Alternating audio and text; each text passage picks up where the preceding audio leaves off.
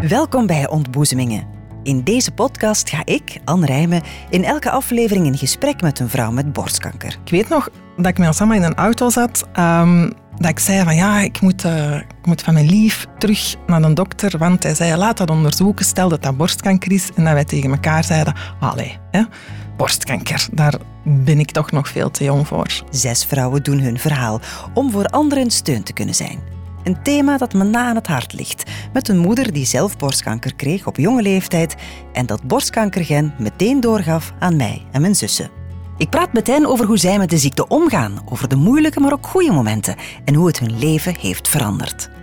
Je bent trouwens niet de enige luisteraar van deze podcast. Ook dokter en oncoloog Annelies Trog luistert mee. Ik, ik hield van haar uh, trucjes om de behandeling en de situatie op te fleuren, aan te passen. Aan het einde van elke aflevering vertelt ze hoe het gesprek bij haar is binnengekomen. Ik heb beseft, wij weten als oncoloog toch wel absoluut niet wat mensen thuis allemaal meemaken, over zich heen krijgen. In deze aflevering praat ik met Ellen. Ellen is 38, heeft een man en twee jonge kinderen, staat in het onderwijs en is een gedreven, sympathieke, sportieve vrouw die vol ongeloof aan haar traject begon.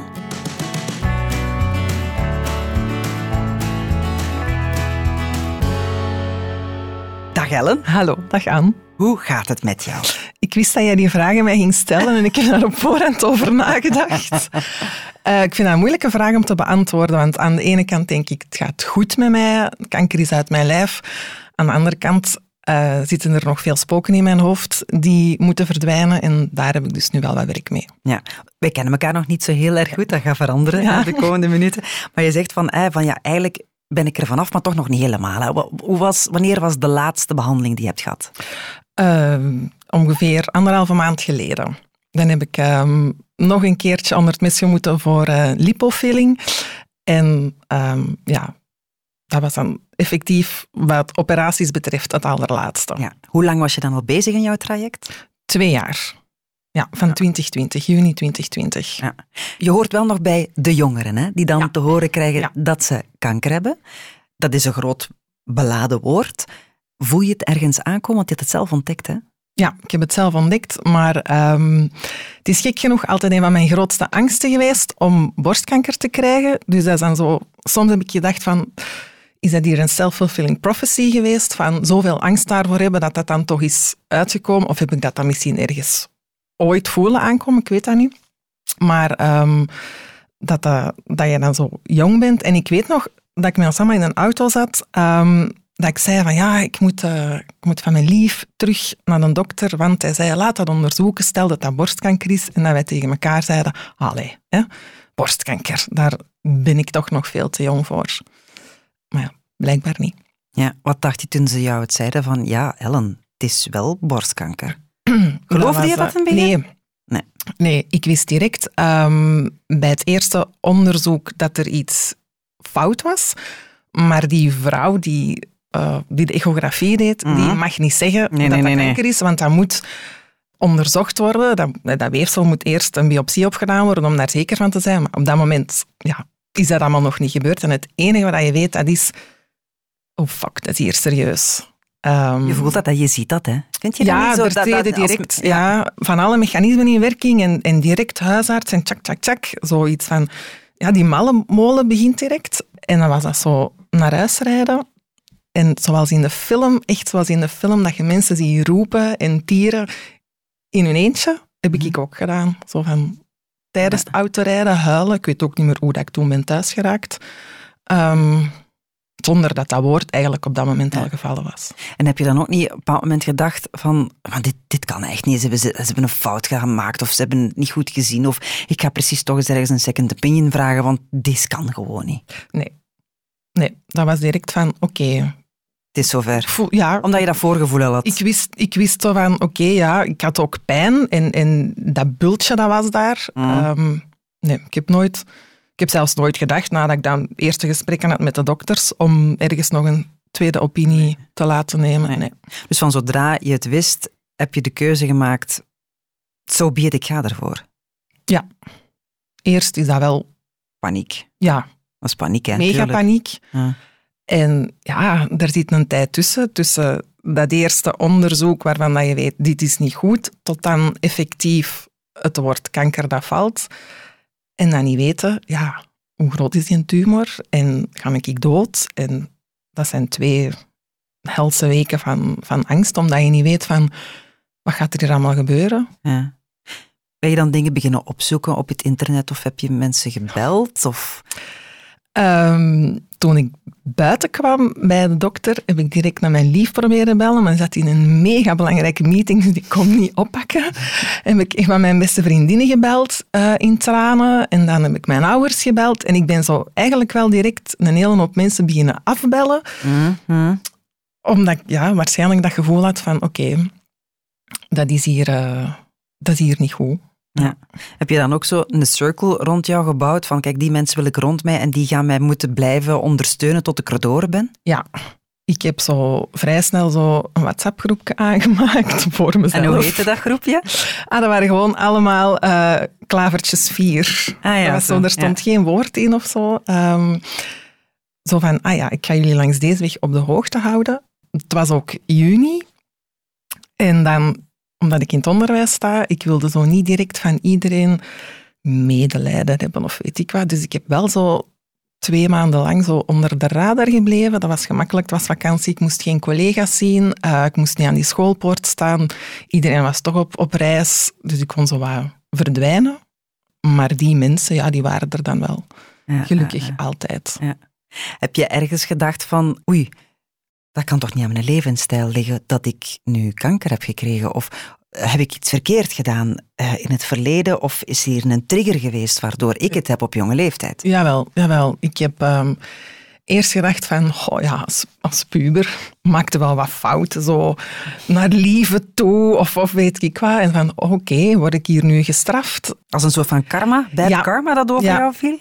Zo dat. En ook... Um, ja, we kwamen net uit uh, lockdown en dat was wel een, een heavy periode geweest, voor iedereen natuurlijk, ja. maar zo um, thuis zitten en de kindjes en dan zo ook nog online lesgeven. En ik weet, ja, ik heb toen best wel wat wijn gedronken, niet, niet zo, maar wel zo, ja, een glas wijn per dag of, of toch meer dan dat ik normaal drink. En dan was het van, oh my god, dat is een alcohol geweest. Dat heb ik lang gedacht. Heb je dat besproken met jouw behandelend arts? Ja, dat heb ik op een moment wel gezegd. Want er is een periode geweest in mijn behandeling dat ik helemaal um, wat eten en voeding betreft, dat ik zo echt het noorden kwijt was. Ik durf niks meer snoepen of, of dat, Om die suiker dat ging te niet. Ja. Ja. En dan uh, met de diëtiste daar uh, over gesproken en die heeft me dan wel ook gerustgesteld van je mocht nog wel een boterham met choco eten en een Mm. speculatie, dat mag nog wel. Um, Mm.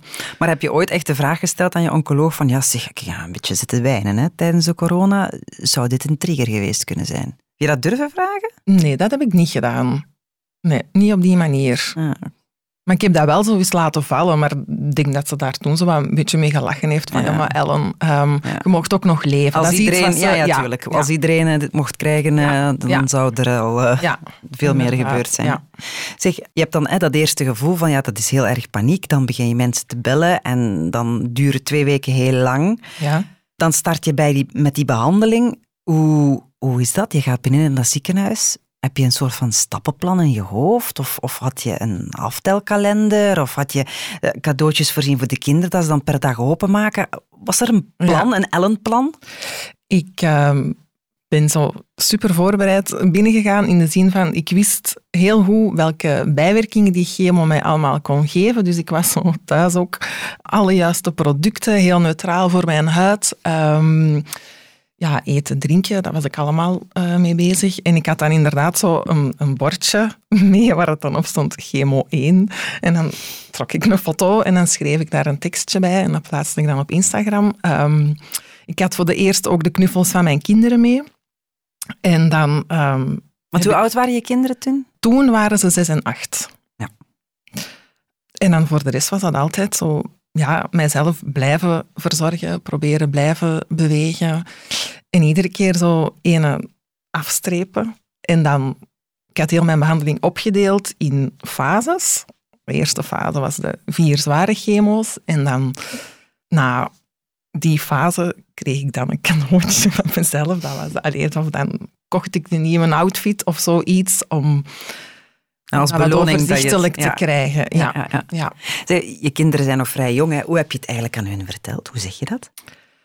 Ja, wij hebben daar... ehm, wij hadden daar al over gesproken, over borstkanker, omdat er bij mijn oudste in de klas daar ook een, een mama was, eh, bij wie dat, dat al op dat moment aan het gebeuren was. En dat was in de klas dan ook al gezegd, dus, dus die wist wat dat, dat was. En wij hadden meteen toen ook al dat gesprek gehad van het is niet omdat je kanker hebt dat je doodgaat, omdat dat iets is wat in onze generatie nog wel leeft, maar voor gelukkig die kinderen niet. En als jongens, die wouden sinds de lockdown heel graag een hond. En ik wou nooit een hond. En dan was dat toen ik wist dat ik ziek was, zei ik tegen mijn lief, ja, we gaan die een hond geven. Hè. Dus dat was dan eigenlijk zo'n beetje... Wij lachen daarmee, mensen vinden dat soms heel bizar, maar dat was van, schattenwolkjes, hè, in de zetel gaan zitten, wij moeten jullie iets vertellen. Ehm, mama is ziek. Ah, Ja, want ze zien niet dat je ziek bent. Nee, hè. nee. Op dat moment zien ze niks. er is hè. niks te zien. Nee, nee, natuurlijk niet. Van, hoe kan dat nu? En dan, ja, is het dan kanker? Ja, dat is kanker. Dus dan keek ze naar mij. En dan, maar we hebben ook leuk nieuws. We krijgen een hond. Ellen. Ja, zo was dat. Ik, denk zie ons wel nog dat- zo zitten met vier in de zetel. Maar ik denk ook van, als ik op dat moment daar dat, die angst dat ik voel ga overbrengen, dan, ja, nee, dat gaat niet. Dat, dat wilden uw kinderen niet. Nee. Zijn er momenten geweest dat je inderdaad je wou verstoppen voor je kinderen, omdat je bepaalde emoties niet wou laten zien? tijdens het ziek zijn, ehm, zo na de chemo's, hebben wij er wel voor gezorgd dat onze jongens niet thuis waren. Dus ik moest altijd op een donderdag in het ziekenhuis zijn. En dan eh, waren onze jongens heel het weekend eigenlijk ook bij mijn ouders. Omdat je dan echt slecht was.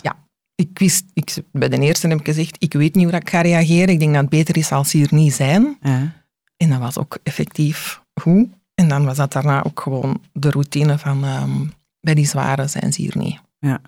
Nu, ik weet dat elk ziekenhuis geeft ook wel eh, een psycholoog zeggen van ja, je gaat door een, eh, door een heel andere, moeilijkere periode gaan. Eh, er is iemand waar dat je mee kan praten. Heb je dat nodig gehad? Elke die, die is iedere keer als ik chemo kreeg, is die even binnengesprongen en dan kwam die vragen hoe gaat het. En soms bleef die vijf minuutjes, tien minuutjes bij mij, maar er zijn ook keren geweest dat die een half uur naast dat bed heeft gezeten eh, om naar mij te luisteren. Want er zijn best wel mensen die zeggen van ja, ik moet het allemaal niet hebben, dat is een vreemde, ik ga daar niet tegen praten. Maar jij zou toch wel aanraden om dat toch aan te Ja, nemen? ja, ja, zeker wel. Alle hulp die ze aanbieden met twee handen, Mm. met twee handen aannemen. Ja. Nu, je zei aan het begin van ja, ik heb wel wat paniek gehad, maar eens toen je aan het traject begon, heb je dan nog met angsten gezeten? Nee, omdat ik wist, oké, nu zijn we iets aan aan het doen. En je weet dan ook vrij snel of dat de behandeling aanslaagt of niet. En dan ben je bezig. Je bent Hmm. effectief... Je zit op die trein. Ja, en die Ja. gaat voort en je moet mee. Ehm, ja, nee, tijdens die behandeling zelf ben ik niet, ben ik niet meer bang geweest. Nee, Je hebt wel zo de whole package gehad, hè? Ja. De chemo, alles, alles erop en eraan. alles Ja. erop en eraan. Ja. Hoe lang duurde dat in totaal? Twee jaar. ja, ongeveer. Ja. Ja. In het begin voelde je ergens schaamte. Durfde je buiten komen? Of... Nee, nee, maar ik was blij dat het zomer was. Ik moest dat tegen niemand zeggen. Ja, ik was... Ik ben nog altijd eh, sportief en gezond eten en gezond leven. En ik kon dat heel moeilijk verkroppen dat dat dan effectief mijn lijf was dat ziek werd. Eh, niet dat ik dat dan iemand anders... Of wil dat iemand anders dat krijgt, maar dat Mhm. was niet te rijmen in mijn hoofd van hoe kan dat nu dat ik dat dan krijg. Dat is Terwijl waarschijnlijk ook de opmerking geweest van alle anderen van allee Ellen, jij toch ja, ja, ik weet dat er collega's waren die zeiden van allee, bij ons op school zou die echt wel de laatste zijn van wie ja. we dan verwachten dat er zoiets zou gebeuren. Heb je dat ook gevraagd aan je dokter? Van, hoe kan, ja, hoe kan dit nu? Ja, Wat, wat, wat is er gebeurd? ik heb dat gevraagd en ik heb daar geen antwoord op gekregen, want die hebben daar geen antwoord op. Nee, hè? Nee. Is het dan een, een pechverhaal? Van, je hebt pech. Ja. Ja. Ja, dat is echt Ja. pure pech. Want vroeger, hè, vroeger, want je zei daar straks ook al van ja, kanker, ja, dat is eigenlijk iets voor oudere mensen. Maar dat is niet meer, hè? Nee. Ehm, en eh, een van mijn laatste gesprekken bij de dokter, dan zei ze ook van we zien het segment van leeftijd echt opschuiven. Ve- Meer en meer jonge vrouwen. Ehm, dat beangstigt mij, omdat ja, ik heb nu pech gehad, maar evengoed vinden ze binnen zoveel jaren een verklaring waarvoor het mij is overkomen. Iets in Mm. drinkwater of, of ik weet niet veel, een deodorant dat ik gebruikte. Ja, want je leest wel zoals van die artikels van ah, het kan zijn door een bepaalde deodorant of het kan zijn door, door hormonen in het water. Eh, maar dat wordt dan toch nog altijd weerlegd door de specialisten. Ja, op dit moment konden ze mij daar zeggen. niet hè? zeggen van het is dit of dat Ja. geweest. Wil je dat Ja. graag weten? Wil je daar een antwoord op?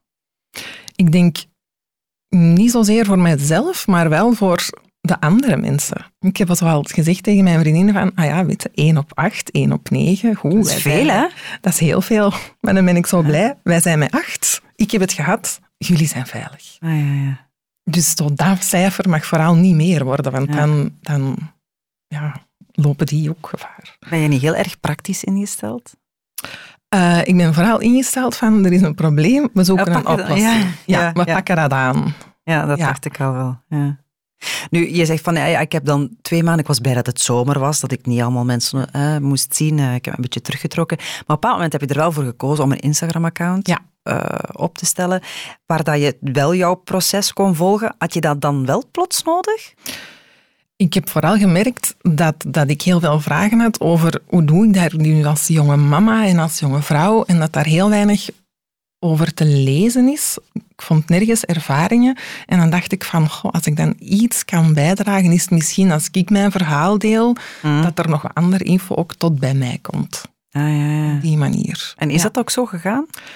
Ja, heel veel mensen hebben zowel gezegd van merci om dat te delen en oh, dat wist ik niet. Ja, en dan zo wel zo, ja, andere mensen dat dat dan vinden en, en dan op die manier wel Hm.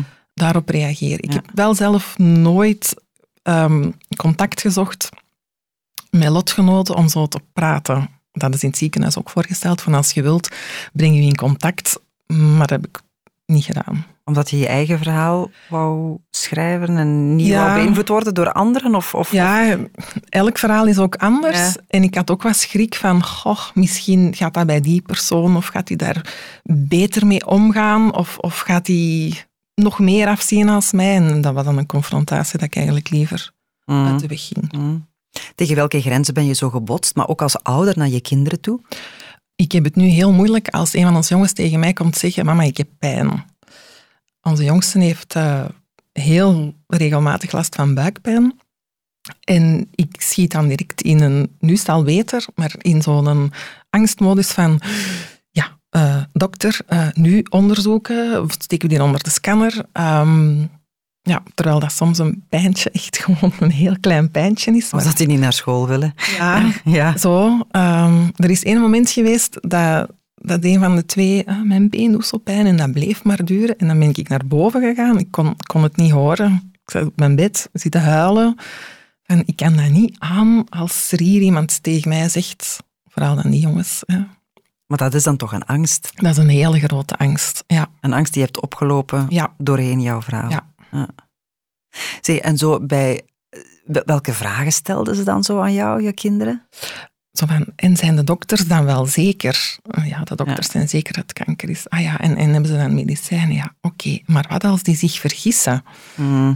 En dat was zo de moeilijkste vraag van, ja, da- daar kun je geen antwoord op geven. Nee, Ik ben er zeker van dat hij zich niet vergist. Ja, maar misschien dan toch wel. Ehm, Heb je ze meegenomen naar het ziekenhuis? mocht niet, corona. Ah ja, dat is waar. Ah, Ja, is dat want eigenlijk is die oncologie een, een, een gezellige afdeling in die zin van de mensen zijn daar zo warm en zo lief en, en kinderen mochten dan wel meekomen en de partner en dan mocht altijd iemand bij u blijven. Maar toen het mijn beurt was om daar naartoe te gaan, dan was dat alleen ik. ja. Dus je werd bij wijze van spreken afgezet aan de deur Ja. en je gaat alleen binnen. Alleen in het ziekenhuis binnen. Ja. Had je er graag iemand bij gehad? Of zeg je nu van, ja, het was eigenlijk wel goed geweest, want ik trek... Ik weet dat ik heb dat gehad toen ik naar het ziekenhuis ging. Ik wou, ik wou gewoon alleen zijn. Ik had Ja. mijn laptop, mijn Netflix kijken en doei, laat me maar. ja, ik was daar gewoon en ik vond dat oké. En er kwam toch zoveel personeel binnen, dan de verpleegkundige, dan de psycholoog, de dokter kwam nog langs en dan kwam die nog eens binnen. Mhm. Zo. Dus dat was, daar, dat was eigenlijk oké. Ik ben dat gewoon geweest. Mijn Ja. enige geluk, dat is wel geweest dat als ik ehm, voor mijn mastectomie moest geopereerd worden, dan ehm, is mijn lief mij wel mee op de kamer mogen komen afzetten, omdat ik dan iemand ken in het ziekenhuis die zei, ik schrijf voor u dat briefje, want dat is echt... Ja. Dus dat was wel heel fijn. Ja. Nu, je bent verder en verder in de behandeling gegaan. Ehm, het grootste deel is afgerond. Ja. Ehm, je moet nu wel nog medicatie nemen die jou in de menopauze brengt. Hoe voelt dat? Dat is heel zwaar. En ik denk dat ik nu pas begin te beseffen hoe zwaar dat, dat eigenlijk is, omdat ehm, door die chemo's je lijf verandert daardoor, dan die operaties. Dus je, bent eigenlijk gewoon van pijn te hebben op zo'n niveau dat je niet meer weet van ah, dat is eigenlijk wel echt erg, deze pijn dat ik heb. Ehm, dus er treedt een soort van gewenning op. En ehm, Maar als je zegt van je bent gewoon om pijn te hebben, is dat dan de pijn, het, het, het niet goed voelen pijn door de chemo of de pijn door je operaties? beide. En ook fysieke pijn door die medicatie, mijn gewrichten. Ja. S'morgens, als je mij uit bed ziet komen, dat is, een, dat is een beetje kreupel tegen dat ik aan de badkamer ben, kan ik terug rechtop lopen. Ik kan mijn handen s'morgens niet direct open en toe doen, omdat dat allemaal stram en stroef is. Door de medicatie? Door de medicatie. Dus dan kwam die menopauze, dus die kunstmatige menopauze, Ja. daar nog eens bij. Ja, En toen dacht je van, allee op, dat er Ja. ook nog maar bij. ja. En ik denk dat dat eigenlijk het moeilijkste is. Zo van, mensen zien nu ook naar mij en die denken, ah ja, hè, dat ziet is er goed allemaal uit. Ze ziet Ja, er goed uit en ze lacht en dat is hier allemaal achter de rug. Maar ik had dat al gelezen op voorhand, dus ik had het eigenlijk moeten weten. Maar het begint eigenlijk maar pas nadat al die behandelingen zijn afgerond. Zo van, oh, ja, oké, dat is echt gebeurd. En ik was echt kaal. En, en dan, ja, je draagt dat mee. En dan, die, die pijnen zetten dan zo gewoon, maar eigenlijk moet het dat niet gewoon zijn, want dat is niet gewoon. Dat Nee. is Nee. daardoor. Maar als je erover praat met anderen, zoals bij, zoals bij mij nu, Ja, nu besef je het eigenlijk eens te meer wat dat je allemaal hebt meegemaakt. ja. Ja. Ja. Want ik zag jou hier binnenkomen, ik dacht, amai, wat schoon madame is dat. en allee, mocht ik nu niks van voorgeschiedenis hebben over jou, zou ik ja, daar totaal niet bij stilgestaan hebben. Nee. Ah ja, dat is een toffe, goed gekleed, schoon koep, ziet er goed uit, mooie huid. Er is eigenlijk, allee, hoe dat ik jou nu zie, wijst er niks op dat je kankerpatiënt bent, tussen aanhalingstekens, Ja. geweest of niet. Nee. Dus dat is eigenlijk het moeilijkste naar de buitenwereld toe. Ja, ja, ik weet ook dat ik daar heel goed in ben om zo mijn schrap te zetten en mijn glimlach op te zetten. Ehm, ja, op den duur wordt dat zo'n gewoonte dat je zo, ja, je rolt daarin en je doet dat, dat is je ding. Maar dat vraagt energie en die energie die ontbreekt zo de laatste tijd meer en meer. Waardoor dat gaan werken moeilijker en moeilijker werd. Ja, want je Ehm, wou terug gaan werken, je bent terug gaan werken. Ja. En dan eh, heb je gezegd van, oh, pff, nee. Ja, ik dacht, ehm, oké, heel die boel is hier zo goed als achter de rug. Ik wil dat mijn leven gewoon wordt, terug Mhm. normaal. Dus wat doen we? We gaan gewoon doen zoals we dat daarvoor ook deden. Terug aan het werk, Gaan lesgeven. gaan lesgeven. Ik had mijn leerlingen ook heel hard gemist, dus ik was blij om die kindjes allemaal terug te zien. En ik krijg daar ook energie uit. Als ik een goede les heb gegeven, of die doen een goede toets, of die komen zeggen zo, oh mevrouw, dat was plezant, dan denk ik, oké, yes. Ja, ja, daar doe je het Ehm, voor. daar ben je leerkracht voor, geworden. ja. Ja. Maar ja, stress, heel, heel veel stress om het goed te doen. En ik kon daar op den duur niet meer mee om. En na de laatste operatie was het echt zo, heeft mijn lijf ook echt gezegd van, ik denk dat het nu echt genoeg geweest is. Zo, het ging niet meer. Ik ben op school aangekomen, ik ben beginnen huilen. Ik wil eigenlijk hier niet zijn. En dan toch nog wel tranen weggeveegd en gaan lesgeven. Maar dan heb ik gevoeld van, oké, Hmm. dit is niet goed niet meer. Die laatste operatie is de lipofilling geweest. Ja. Dan doen ze eh, liposuctie. Daaruit Ja. halen ze dan weer eh, vetten om alles mooi, bij de reconstructie mooi eh, te modelleren, zou ik maar zeggen. Maar dat is een heftige, hè? Dat is verschrikkelijk. Dat is daarom waarom dat heel Hollywood en de pijnkillers Ja, zit. hè? ja, ja, dat is... ehm, ja, dat is effectief gewoon met een staaf onder uw vel en dan gaan ze een beetje poken naar vet. En ja, bont en blauw, tot zwart, tot aan de knieën. Ja. Ehm, Het doet pijn, hè? verschrikkelijk. Ik Ja. kon niet zitten. Nee. Ik moest met een wandelstok naar het schoolfeest van mijn kinderen, omdat ik gewoon niet kon blijven gaan. Ja, Ja.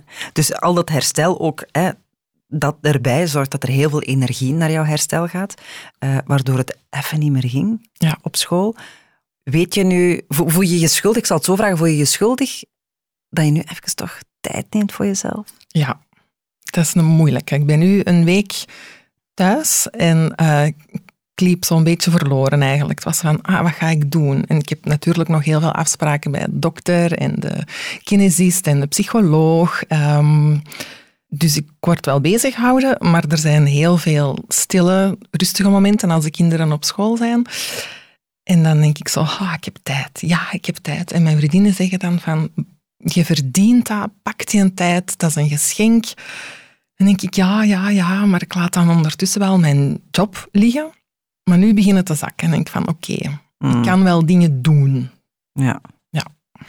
Wat heeft jou erdoor gesleurd? Als je, als je nu zou zeggen, als je nu een speech zou mogen geven met een oh. dankwoord, wie, wie, wie zou je er, wie? of wat zou je er echt... Uh, al is het maar een stomme serie op tv, of dat je zegt, ah, daar keek ik naar uit, of, of, of een buurvrouw die langskomt. Ja, in de eerste plaats mijn, mijn lief, mijn kinderen, mijn familie, mijn vrienden.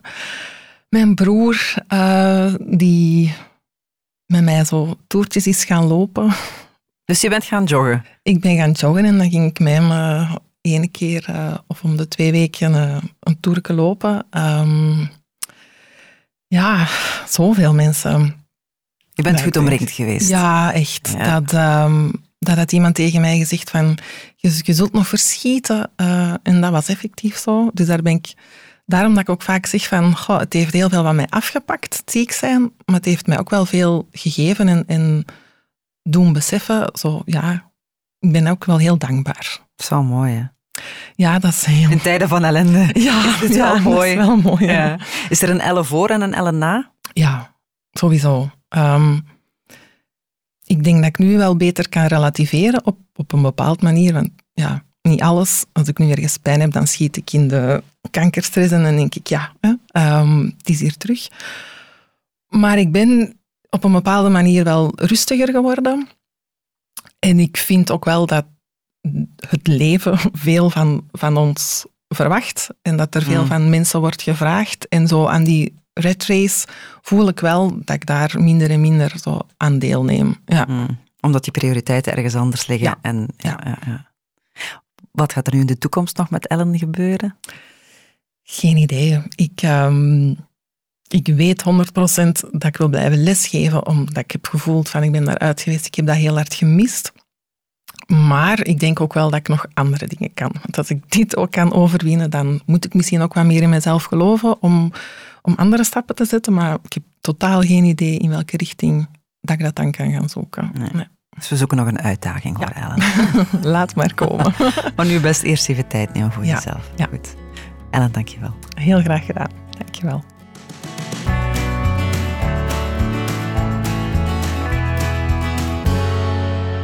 Het verhaal van, van Ellen, daar was ik toch ook wel redelijk ondersteboven van. Ik zat thuis te luisteren op een keukenstoeltje. Mijn mama spaghetti aan het koken. En dan denk je dat je patiënt kent. Maar ik heb beseft, wij weten als oncoloog toch wel absoluut niet wat mensen thuis allemaal meemaken, over zich heen krijgen. Ellen spreekt over een Ellen voor en een Ellen na, erna, na de chemotherapie of na de hele behandeling. Ik uh, moet zeggen, ik hou van de beide Ellens. Die erna heeft nog altijd wel struggle om zichzelf wat te gunnen, om te recupereren. Ik vermoed dat het erg moeilijk is om op zo'n jonge leeftijd die ziekte over je heen te krijgen met kinderen die wel al kunnen luisteren naar de diagnose, die het waarschijnlijk, maar waar je vooral hoop wil aan geven. Ik, ik hield van haar uh, trucjes om de behandeling en de situatie op te fleuren, aan te passen. Tot en met het uh, aanschaffen van een hond om het, het nieuws van de borstkanker een positieve twist te geven. Dat is ook wel heel sterk. En het is op die manier, denk ik, dat Ellen ook haar boodschap wil, wil, wil doorgeven. Zij was zelf op zoek naar ervaringen van leeftijdsgenoten en heeft, omdat er niet zoveel beschikbaar was, de tijd en de moeite genomen om, om zelf een blog op te stellen. En het delen van, van haar ervaring nu via, via podcast was voor haar dan ook een, een no-brainer voor haar direct om, om mee te doen. Waarvoor natuurlijk heel hard dank.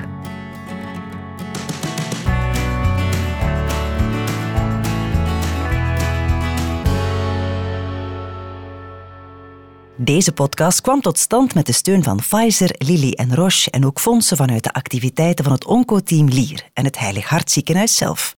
Wij danken ook de patiënten en hun families voor hun medewerking.